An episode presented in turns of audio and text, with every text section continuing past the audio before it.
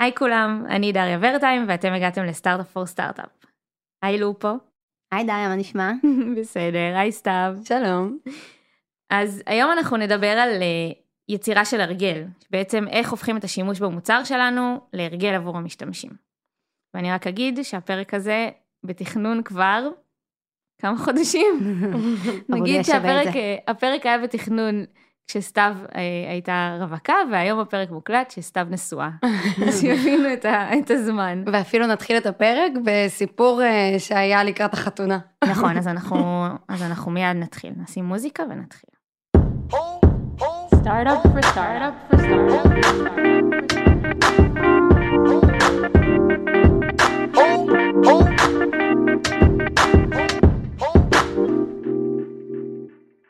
אז לפני הסיפור הקצר, אני רק אגיד שלופו, בעצם קוראים לך מיכל, אבל קוראים לך לופו.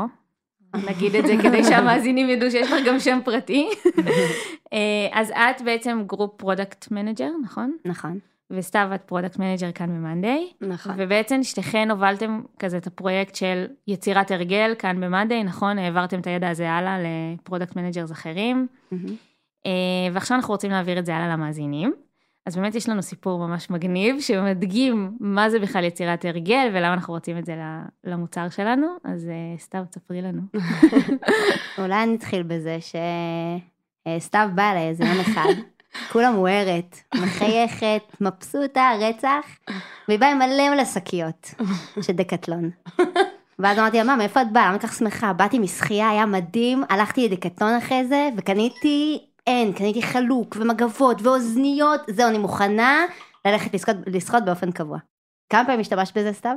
בשלושה חודשים האחרונים בערך פעמיים. מהמם. זה בדיוק הסיבה שצריך ליצור הרגלים. הפרק הזה הוא בעצם על זה שממש קשה ליצור הרגלים, נכון? וזה משהו שאנחנו פוגשים אותו גם במוצר שלנו, בעצם בכל דבר שאנחנו עושים. אה, ואנחנו רוצים לגרום ללקוחות שלנו להתרגל להיכנס למוצר, נכון? נכון. אז uh, בעצם uh, ליצור הרגל זה אחת מהטקטיקות uh, בשביל לגרום ל retention יותר גבוה. עכשיו retention למוצר זה משהו שהוא בעצמו מאוד חשוב, כי זה אחד משלושת מנועי הצמיחה של מוצר. מנועי הצמיחה של מוצר זה, הראשון זה acquisition, איך מביאים traffic לתוך המערכת, לתוך המוצר. איך אני בכלל רוכשת את הלקוחות מלכתחילה, איך אני מביאה אותם. איך מביאים יוזרים חדשים, שעדיין mm-hmm. לא נמצאים במערכת. השנייה זה איך גורמים להם להישאר, שזה בעצם retention. אה, והשלישית זה איך אה, עושים מהם כסף, שזה monetization. אז בעצם retention זה אה, אחד מהמנועים וזה קריטי בשביל שבעצם כל המערכת תגדל, אחרת יהיה לנו מה שנקרא leaking bucket, שזה בעצם אנחנו קונים יוזרים, אבל הם כולם פשוט נוטשים לאורך זמן, ואז אין פשוט משמעות לקניית יוזרים, אנחנו, אין טעם שנקנה כל עוד הם דולפים. כן, אני מתאמצת המון להביא לקוחות, ובסוף אחרי כמה שבועות, או אפילו זה יכול להיות כמה ימים, הם פשוט עוזבים, עוזבים ולא חוזרים. ולכן צריך תמיד לוודא שיש retention טוב, ויצירת habit זה אחת מהאסטרטגיות ליצירת, ל retention גבוה. אוקיי, מעולה.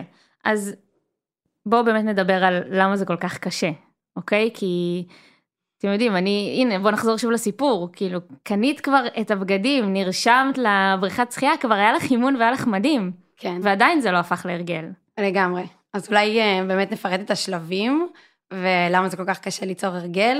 אז בעצם יש ארבעה שלבים אה, כדי ליצור הרגל, השלב הראשון זה שלב ה setup, אז בדוגמה שלי זה באמת ללכת לדקתלון ולקנות חצי ממנו. אה, השלב השני זה ה aha moment, בעצם הפעם הזאת שהגעתי ללופו, ואמרתי לה, oh my god, היה לי הכי כיף בעולם לשחות. השלב השלישי הוא ה-habit moment, זה אומר, הלכתי פעמיים שלוש בשבוע, ואני... זה כבר כאילו, נכנס לך ללוז. נכנסתי להרגל, והשלב האחרון הוא engaged, אני באופן קבוע הולכת לשחות אה, פעמיים שלוש בשבוע. אוקיי, okay, אז אם אנחנו מקבילים את זה לעולמות שלנו, לעולמות של סאס, אוקיי, okay, אז תמיד uh, אומרים שהנוסטר של uh, פייסבוק זה uh, להזמין שבעה חברים בעשרה ימים הראשונים. זאת אומרת שמישהו נרשם עכשיו חדש לפייסבוק, צריך לראות שהוא הזמין שבעה ח... חברים כדי לראות שהוא יצר את ההרגל. כן, בדיוק, כאילו מבחינתם זה activation. Mm-hmm. אוקיי, אז איזה, איזה moment זה מה, מהמומנטים שסתיו דיברה עליהם? אוקיי, אז יש לנו setup ויש לנו, אז אולי זה ה setup, בעצם אני נערכת. אני כזה מכינה את השטח בשביל שיהיה לי, בשביל מה להיכנס לפייסבוק בכלל. בדיוק, כי הסט, ההבדל בין ה setup moment ל aha moment, זה שה setup moment הוא לא נותן לך את ה... את ה הוא לא נותן לך את באמת מה שרצית. אמ, אז אם נגיד אתה רוצה להיכנס לפייסבוק בשביל אה, לדעת איפה, אה, מה קורה עם החברים שלך, אז זה שיהיה לך אה, שבעה חברים, זה לא אומר עדיין שתקבל את ה... רק ברגע שתיכנס לפיד ותראה את מה שהם עושים, את התמונות שלהם, את הפוסטים שלהם, אז תקבל את ה moment. אבל בשביל שהדבר הזה יקרה, אתה חייב קודם כל שיהיו לך חברים. ולכן זה ה setup moment, וה moment זה שבפעם הראשונה אתה גולל את הפיד ואתה רואה את הסיבה שאליה הגעת, שזה להבין איפה החברים שלך, מה הם עושים. אז בכל מוצר בעצם, לפני שאני בכלל אה, הופכת להיות משתמשת קבועה בו, צריך להיות א', איזושהי היערכות, נכון? משהו שאני עושה את זה, או בכלל החברה יכולה לעשות את זה בשבילי, בשבילי איך זה הולך?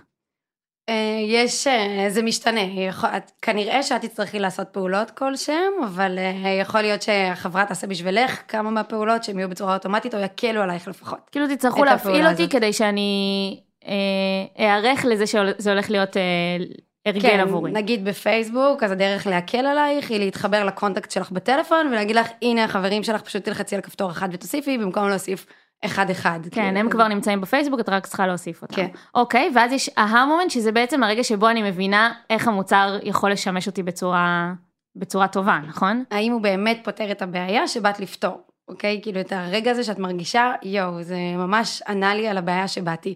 למשל בפייסבוק, אם הבעיה שבאתי לפתור היא... משעמם לי, אני רוצה לדעת מה החברים שלי עושים, אני ב FOMO, אני לא יודע מה קורה, אז נכנסת לפייסבוק פעם ראשונה שראית את זה והבנת, אז זה ממש ענה לך, זה ה aha moment. ואז אני נכנסת וואלה באמת, אני רואה מלא עדכונים, אני מרגישה שכיף לי או לא כיף לי בחיים, וממשיכה הלאה. כן. אוקיי, ועכשיו הגענו בעצם לנקודה שבה אמור להיווצר הרגל. Mm-hmm.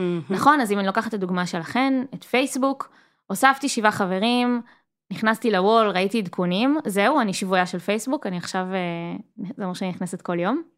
אז את קיבלת את המומנט הראשוני, אבל קשה מאוד ליצור הרגלים אצל יוזרים. גם אם הם מאוד מאוד רוצים את זה, בסוף יוזרים רגילים למשהו מסוים, אה, ולכן כמה שהם ירצו, קשה אה, ליצור את ההרגל הזה. כמובן שיש הרגלים שיותר קשה ליצור ויש הרגלים שפחות קשה ליצור, אבל כל הרגל קשה לשנות. ולכן יש כל מיני אסטרטגיות שאנחנו יכולים לעזור ל user ליצור את ההרגל.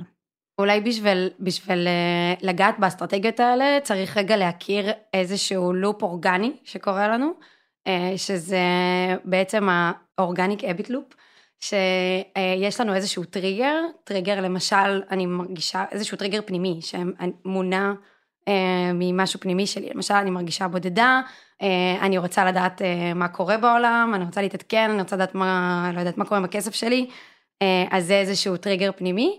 שמוביל לאיזשהו action, ה action הוא איזושהי פעולה שאני עושה, שנותנת לי את המידע הזה לדוגמה, או נותנת לי להרגיש את התחושה הזאתי, ואז reward.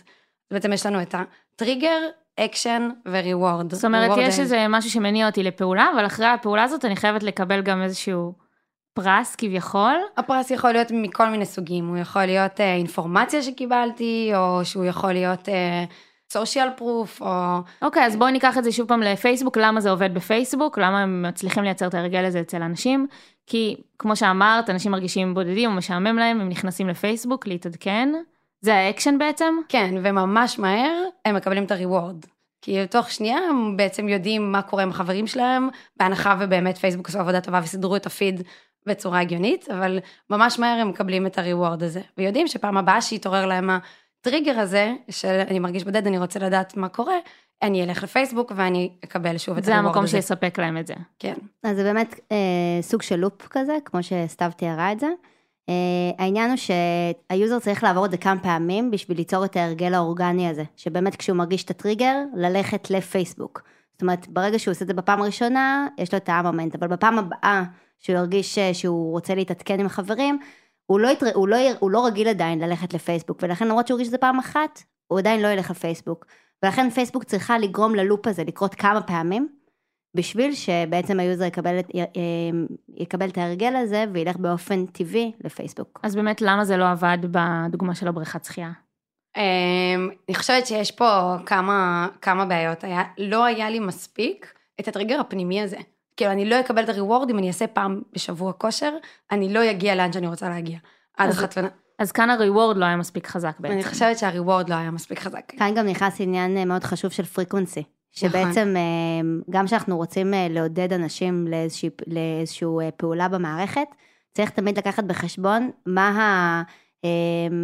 התדירות שאנחנו מצפים שהיוזר ישתמש. אז למשל בדוגמה של סתיו, בשביל ליצור באמת הרגל של, של ללכת לחדר כושר, סתיו צריכה ללכת לפחות פעמיים בשבוע לחדר כושר, כי פעם אחת באמת, כמו שהיא אמרה, פעם בשבוע, פעם בשבועיים, היא לא תרגיש את, ה, את הריוורד, בעצם היא לא תרגיש שהיא, מרגישה, שהיא נראית יותר טוב, שהיא לא מרגישה פדלה, היא לא תרגיש את הריוורד הזה בשביל שהיא ת, ת, תבנה את הלופ אה, אה, האורגני הטבעי.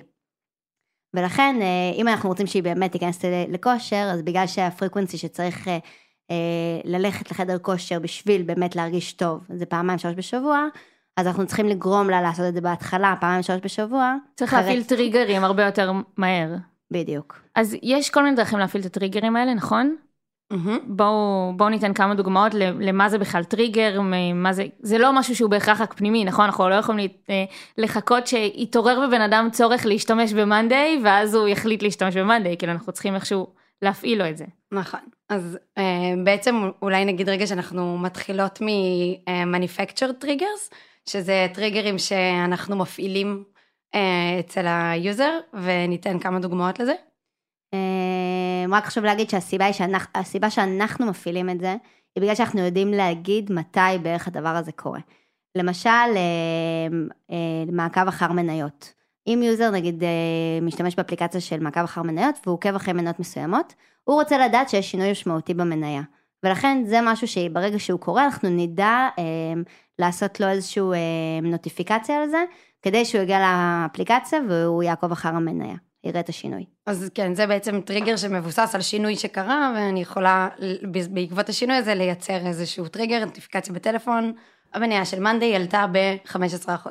בדיוק. אה, עוד, אה, אה, יש טריגר שאני אספר אולי איזה סיפור לצורך הטריגר הזה, שבוע שעבר הייתי באיקאה, ו, ובעצם טריגר שמבוסס על מיקום. איך שנכנסתי לאיקאה, ה Apple Wallet שלח לי מין נוטיפיקציה כזאת, תשלמי עם Apple Pay. שזה גם קצת מקריפ. זה קצת, קצת מקריפ, אבל באמת זה היה בטיימינג ממש טוב, ושילמתי עם Apple Pay בפעם הראשונה באותו ביקור באיקאה. אמ, אז אה, זה בעצם טריגר שמבוסס מיקום, גם סטארבקס משתמשים בזה. אז, אז זה בדיוק manufactured trigger, למה? כי הם, אה, אה, ההודעה נשלחת לך בדיוק בזמן הנכון. עוד דוגמה למשל, זה אם מישהו עובד עם מערכת ניהול פרויקטים, אז נגיד אתה מנהל ואתה רוצה לדעת איפה הדברים עומדים, אז ברגע שנעשה איזשהו שינוי, אפשר לשלוח לך נוטיפיקציה, שתדע שהשינוי הזה קרה. ואז אתה תדע שבאמת במערכת אתה רואה כל הזמן איפה הדברים עומדים. שמישהו בצוות שלך כתב כן. איזשהו עדכון. כתב עדכון, שינה סטטוס. אולי שווה לציין שזה גם היה אחד הטסטים המוצלחים שלנו. זה נכון. עשינו במסגרת אה, צוות גרוס עשינו איזשהו טסט כזה של אה, לשלוח אה, נוטיפיקציה כשסטטוס משתנה לדן. זאת אומרת שמישהו סיים את העבודה, זה בא לענות על, על השאלה של מה קורה עם הצוות שלי, אני רוצה לדעת מתי שמשהו מסתיים. זה דווקא ממש מעניין, כי בעצם זה הייתה דרך שלכם להביא מנהלים להיות יותר engaged בפלטפורמה שלנו, כן. נכון? כן, בוא נחזור רגע למה מנהלים רוצים. מנהלים רוצים לדעת איפה הדברים עומדים, נכון? זה המטרה שלהם. ואז ברגע שאנחנו יודעים להגיד שקרה משהו שמעניין את המנהל, אנחנו שולחים לו נוטיפיקציה, ואומרים לו, היי, קרה משהו, התעדכן משהו, בוא תראה. ואז הוא כבר לבד, אחרי כמה פעמים כאלה, הוא מבין שאם הוא רוצה לדעת איפה הדברים עומדים, הוא ייכנס למערכת והוא יראה איפה הדברים עומדים. אז זה בעצם ממש הבנייה של האורגניק אביט לופ על ידי מניפקצ'רד. כמה פעמים ראשונות. אנחנו נשלח לך את הנוטיפיקציה הזאת, נזכיר לך שאנחנו, שאצלנו זה, אתה תוכל לראות איפה דברים עומדים, אתה תרג, תרגיש את הריוורד הזה, כי אתה תיכנס ותראה את זה, ואז בפעם הבאה שיהיה לך את הטריגר שתרצה לראות איפה הדברים עומדים, אתה פשוט תיכנס למאנדי. אוקיי, okay, זה גם נקודה חשובה, כי בעצם מה שאתם אומרות כאן זה שהדרך ליצור את ההרגל אצל האנשים, זה לא בהכרח אומר שזו הדרך שהם ימשיכו להשתמש במוצר אחר כך, אוקיי? זה לא אומר ש... אנחנו נסמוך על זה שרק כשאנחנו נשלח מייל או נוטיפיקציה למנהל, הוא ייכנס למאנדי. כאילו אנחנו בעצם ניצור אצלו את הריוורד הזה, ואז אחר כך הם כבר ייכנסו בעצמם, יבינו ששם הם מקבלים את הערך ויהיו יותר אקטיביים לגבי זה. כן, כי כנראה שלא נצליח גם ב-manufactured triggers, לא נצליח לקלוע לכל הפעמים בהם המנהל רוצה לדעת מה קורה עם העובדים שלו. אז נכון. אנחנו פשוט רוצים ליצור לו את ההרגל, שכשהוא רוצה לדעת מה קורה עם העובדים שלו, אז שם הוא ילך כאילו למאנדיי ויראה מה, מה המצב של המשימות. מעולה. ועוד משהו שאני מבינה גם ממה שאתם, מכל הדוגמאות שלכם, זה שזה יכול להיות תקף, ל... או שזה תקף, לדעתי, לכל מוצר בעולם, נכון? כאילו, אני משערת לעצמי שאנשים עכשיו שומעים את הפרק, אומרים, טוב, זה לא רלוונטי לי, אין לי מושג איך עכשיו למשוך מישהו למוצר שלי. אבל יש פה פשוט מלא מלא use cases, וצריך להבין מה הטריגר הכי מתאים לכל use case בעצם. לגמרי. אני חושבת שכל מוצר שיש לו יוזרים, בסוף צריך, כאילו, כדי לייצר engagement של היוזרים האלה למוצר, אנחנו צריכים לזהות מה הבעיה שאנחנו רוצים לפתור להם, מה ה-use case, ולבנות להם הרגל שיגרום להם להשתמש במוצר, כדי לפתור את הבעיה שהם אה, מכוונים לפתור. גם מן הסתם הטריגר שאתם משתמשות בו למנהלים, זה לא הטריגר שתשתמשו בו עכשיו לעובדים שמשתמשים במאנדי לעיתים הרבה יותר תכופות, או... אז חשוב להגיד שהטריגר זה לא משהו שאנחנו קובעים, זה בעצם הבעיה שהיוזר רוצה לפתור, זה משהו שמתעורר לו פנימית, ולפעמים אנחנו יודעים לזהות גם מתי נכון להגיד לא על הדבר הזה. אז ה-manufactured trigger זה בעצם שאנחנו מזהים שעכשיו זה יכול להיות רלוונטי לטריגר שלך, ואנחנו מודיעים לך על זה. אבל שוב, זה טריגר שלו, זה מה שהוא מרגיש, זה מה שהוא רוצה, הוא רוצה לדע, להיות מעודכן. סתיו רוצה להיות בכושר, זה לא שאנחנו קובעים לו מה הטריגר, זה הבעיה שהוא רוצה לפתור. Okay. אוקיי. אנחנו פשוט מכוונים אותו למערכת בזמן הנכון. מעולה. וזה גם לא רק על מוצרי טכנולוגיה, כאילו נגיד אני יכולה לספר על אה, משהו שקראתי אה, בהקשר של אה, manufactured triggers, שבעבר, אנחנו לא היה לנו הרגל לצחצח שיניים עם משחת שיניים, בתחילת שנות התשעים איפשהו, והדרך לייצר את הלופ הזה הייתה פרסומת שרצה במלא עיתונים, שקוראת לאנשים להעביר לשון על השיניים, וברגע שהם מרגישים חספוס, אז זה הזמן להשתמש במשחת שיניים, ושהשיניים יהיו נקיות. וואלה. אז זה ממש דרך להעביר, להעביר לקהל אה, מה, מה האקשן שאתה צריך לעשות כשיש לך את הטריגר הזה של השיניים שלי מלוכלכות. אז אה, זה ממש לכל... מדהים. דבר שיש לו משתמשים. מגניב, אז נתתם עכשיו כמה דוגמאות ל-manufacture triggers, וסתיו את אמרת שבעצם יש עוד סוגים של טריגרים, נכון? כן, אולי לפני שנעבור לסוגים השונים של הטריגרים, יש עוד כמה אה, סוגים של אה, אה, manufacture triggers, כל אחד ימצא את עצמו באחד מהטריגרים האלה, אז גם יש time based, כאילו זמן, משהו שמבוסס על זמן למשל טיסות, 90 דקות לפני טיסה, אז תזכר אותי שיש לי טיסה. אה, עוד, דוגמה של זמן, משהו שקשור למאנדיי, שעשינו את היום אה, שני בבוקר, אה, כזה weekly numbers, שנשלח פעם בשבוע. שמספר לך כזה ביום שני בבוקר, זה היום הראשון של העבודה, בכל מקום שהוא לא ישראל, מה המצב של ה... מה מצב המשימות, מה מצב העובדים, כמה דברים יש לעשות השבוע, מה הצוות שלך עשה. אז זה איזשהו טסט שגם עשה לנו כזה ממש עלייה מטורפת באקטיביישן. נכון. מעולה. עוד מקרים? כי המקרה האחרון הוא תכנותי, שזה בעצם אה, מתי שאני עושה איזושהי פעולה כמו לחבר את הפלאפון שלי למחשב, ו, אה, וה, ודרופבוקס אה, אומרת לי, תגבי, תגבי את התמונות שלך. אה, או... שדברים קופצים כשמשהו... כשמשהו תכנותי קורה. אז רק בואו בוא נסכם את האפשרויות שיש. אז יש את הזמן, למשל הטיסה שלך יוצאת בעוד 90 דקות, יש את המיקום, כשאתה נמצא ליד משהו כמו ליד סטארבקס, שינוי, המניה ירדה ב-X אחוז, עלתה ב-X אחוז. אמ, שינוי של איזשהו, אה, של עמיתים, למשל אה, מישהו עדכן סטטוס או עשה איזשהו אפדייט אה, בקשר לאיזושהי משימה ואתה רוצה לדעת איפה זה עומד, או התכנותי שסתיו עכשיו תיארה. מגניב. אז זה בעצם כל הסוגים של manufacture triggers, ויש עוד סוגים של טריגרים אחרים. כן, כי בעצם מה קורה אם אין לי manufacture triggers, למשל ניקח את זום כדוגמה, נכון. הבעיה שזה בא לפתור, אני רוצה להיפגש עם אה, אנשים שלא נמצאים איתי פיזית כאן. לזום אין בעצם דרך לדעת. אז מה המניפקצ'ר שאני יכולה לדעת? כן, אני אשלח לך כזה, את רוצה להיפגש? את רוצה להיפגש? זה כאילו, את רוצה ליצור פגישה בזום? את רוצה ליצור פגישה בזום? זה לא... כן, אם זום היו שולחים לי כל אה, שעה שאלה אם עכשיו זה זמן מתאים לפגישה, אז כנראה שהייתי עושה uninstall. כן, כן. ובעצם גם את אמרת מקודם שזה יכול להיות ממש צורם, כאילו, כשזה, נגיד כשנכנסתי לאיקאה. וזה שלח לי זה, זה כאילו קצת מקריפ. כן, יש פה ממש אם, גבול דק. כן, כי אם הם, אם, אם הם טעו, אז זה ממש מקריפ, נכון? נכון, כאילו, אז את לא חושבת על הערך, את רק חושבת על, אוקיי, הם רק עושים לי stalking כזה, וזה לא מתאים לי עכשיו. כן, אה, אז בדיוק בשביל זה אנחנו רוצים אה, לנסות למצוא את המקום המתאים אה, לעורר את הטריגר הזה, או להיות קרוב איפשהו באזור, כשהטריגר הזה מתעורר אצלך. אז איך באמת עושים את זה אם אין לנו את הנקודה הספציפית שאני יודעת שהיוזר צריך להשתמש בפלטפורמה שלי? אוקיי, אז בואו נחזור לדוגמה שתיארתם על זום. אז אה, כשמישהו רוצה עכשיו אה, לקבוע פגישה, איפה הוא נמצא? הוא נמצא כנראה ב-calendar שלו, נכון? הוא רוצה לזמן את הבן אדם? כן. אז בעצם אנחנו ננסה לגרום ליוזר אה, ליצור את הפגישה מזום כבר ב-calendar, ננסה להוסיף לו כפתור של schedule with zoom, כמו שכולנו מכירים. זה בעצם אה, environmental trigger, כי זה בעצם מזכיר ליוזר בזמן הנכון שזום קיים. נכון, אז מי שבאמת לא מכיר, יש גם תוסף, נכון? זה תוסף שמורידים ל... תוסף ל... לכרום. בדיוק, לכרום, לקלנדר, שבעצם מאפשר ברגע שקובעים פגישה לקבוע אותה כבר עם, עם זום. כפתור כחול כזה גדול שאומר schedule with zoom. כן, ואני זוכרת שגיליתי את זה בתחילת הקורונה, וזה זה ממש, זה עשה לי ההר מומנט, כאילו ממש הבנתי את הערך של זה עבורי, זה לא הרגיש לי מציק בשום צורה, להפך, כאילו... כי זה בא לך כן. בדיוק בזמן הנכון. זה בול. בדיוק מה ש-environmental trigger מנסה לעשות. עוד דוגמה זה בעצם אה, כל מי שהיה בחו"ל מכיר את זה כשאתה פותח את גוגל מפס. כשאתה נמצא בחוץ לארץ אז הדבר הראשון שקופץ לך כזה אם אתה מחפש להגיע לאנשהו זה אובר. זה בוא תעשה את הנסיעה הזאת עם אובר.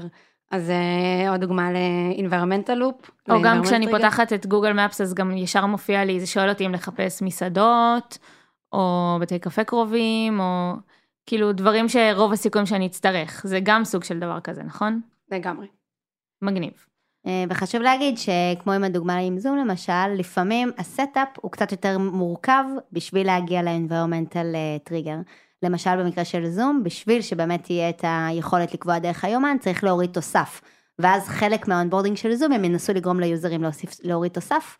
זה מוסיף friction בהתחלה, אבל כנראה שה-friction הזה שווה את זה, כי הרבה יותר קל להם ליצור את ההרגל אחרי זה ליוזרים. ובאמת אם אנשים מצליחים לעשות את ה-onboarding הזה, אז רוב הסיכויים שהם גם יהיו הרבה יותר פעילים בהמשך, נכון? שהם יהיו יותר engaged נכון. בפלטפורמה. אז באמת יש פה איזשהו trade off בין אה, כמה, לעשות onboarding כמה שיותר פשוט ולא לא להוסיף friction שלא להוריד עכשיו אה, תוסף.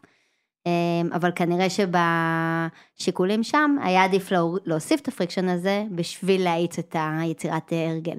אה, עוד דוגמה זה מערכות CRM למשל, שברגע שאתה עושה onboarding אז זה מעודדות אותך להוסיף תוסף לג'ימל שלך, שכשאתה מתכתב עם מישהו בג'ימל אתה תראה את המידע מתוך ה-CRM.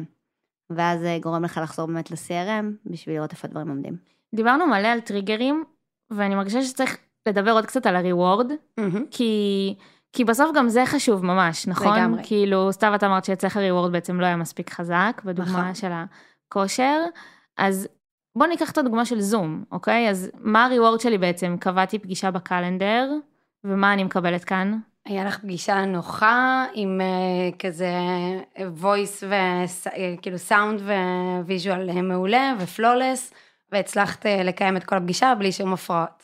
כאילו, האיכות של הפגישה הייתה טובה. האיכות של הפגישה הייתה טובה והיה לך קל לקיים אותה. אז אה, זה ה-reward שאת אמורה לקבל מזה. אוקיי. אז באמת לפני שאת אה, הולכת למשולש הזה של, ל- ל-loop הזה של טריגר אקשן reward, את צריכה לשאול את עצמך קודם כל מה הבעיה שאנשים רוצים לפתור, שזה בעצם הטריגר. אה, ודבר שני זה למה אני, למה שהם יבואו אליי לעשות את זה.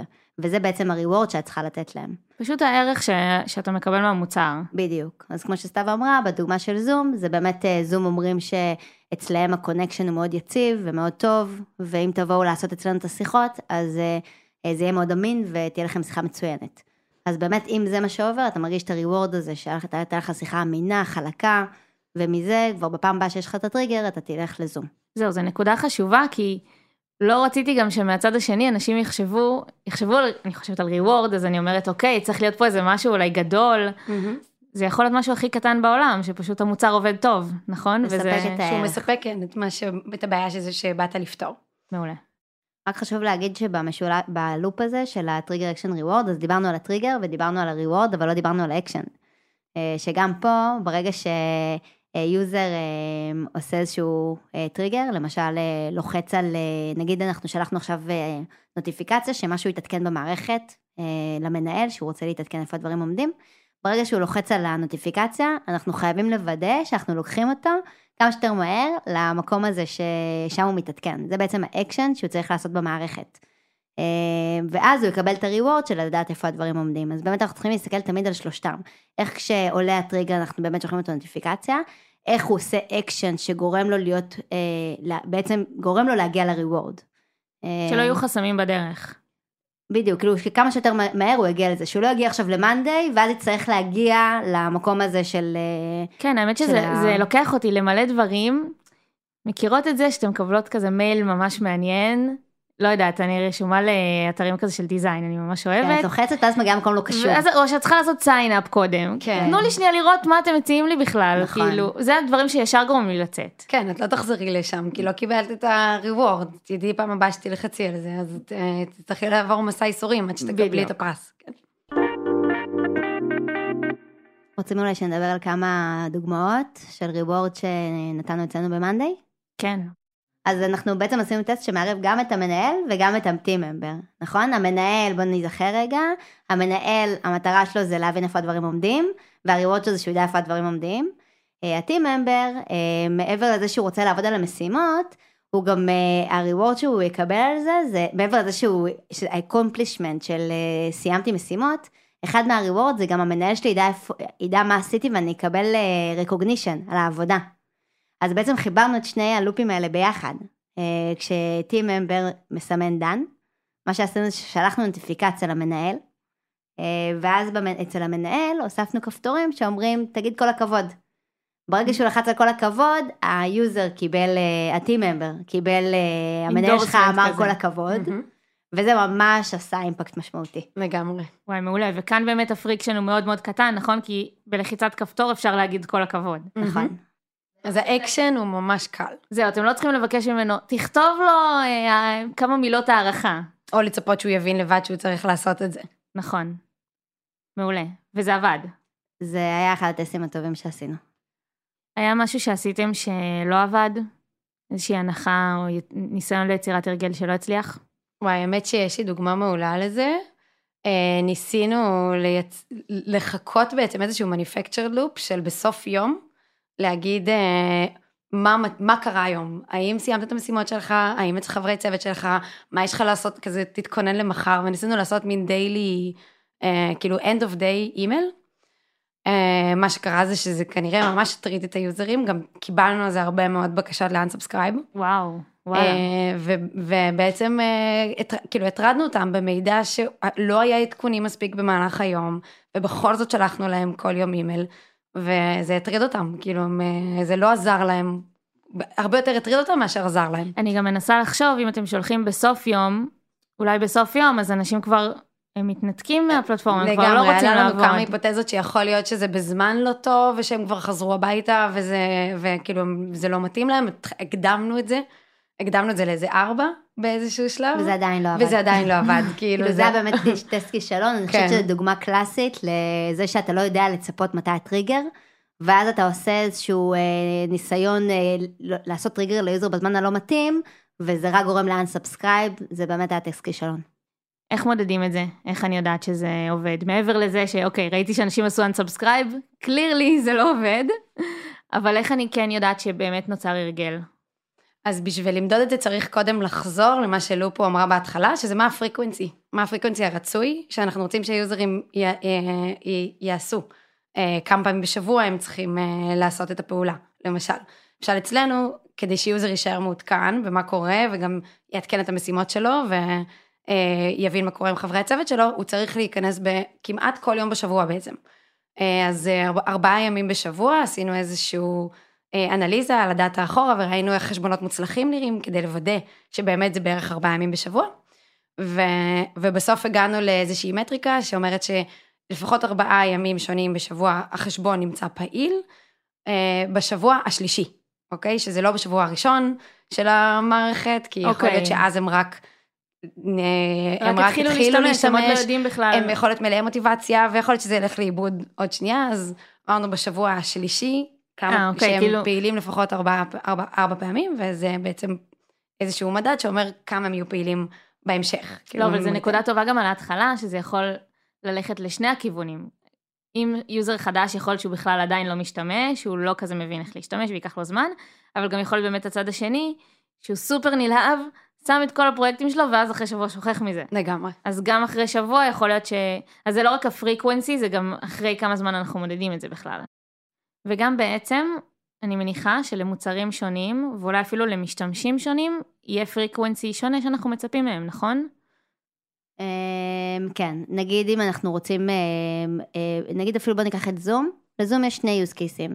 יש להם use case שאני רוצה לעשות שיחות, שאז שיחות זה כנראה משהו שהוא, לא יודעת להגיד אם יומי, אבל לפחות שבועי, ואז אנחנו נצפה שהוא כמה שבועות רצופים ישתמש בזה.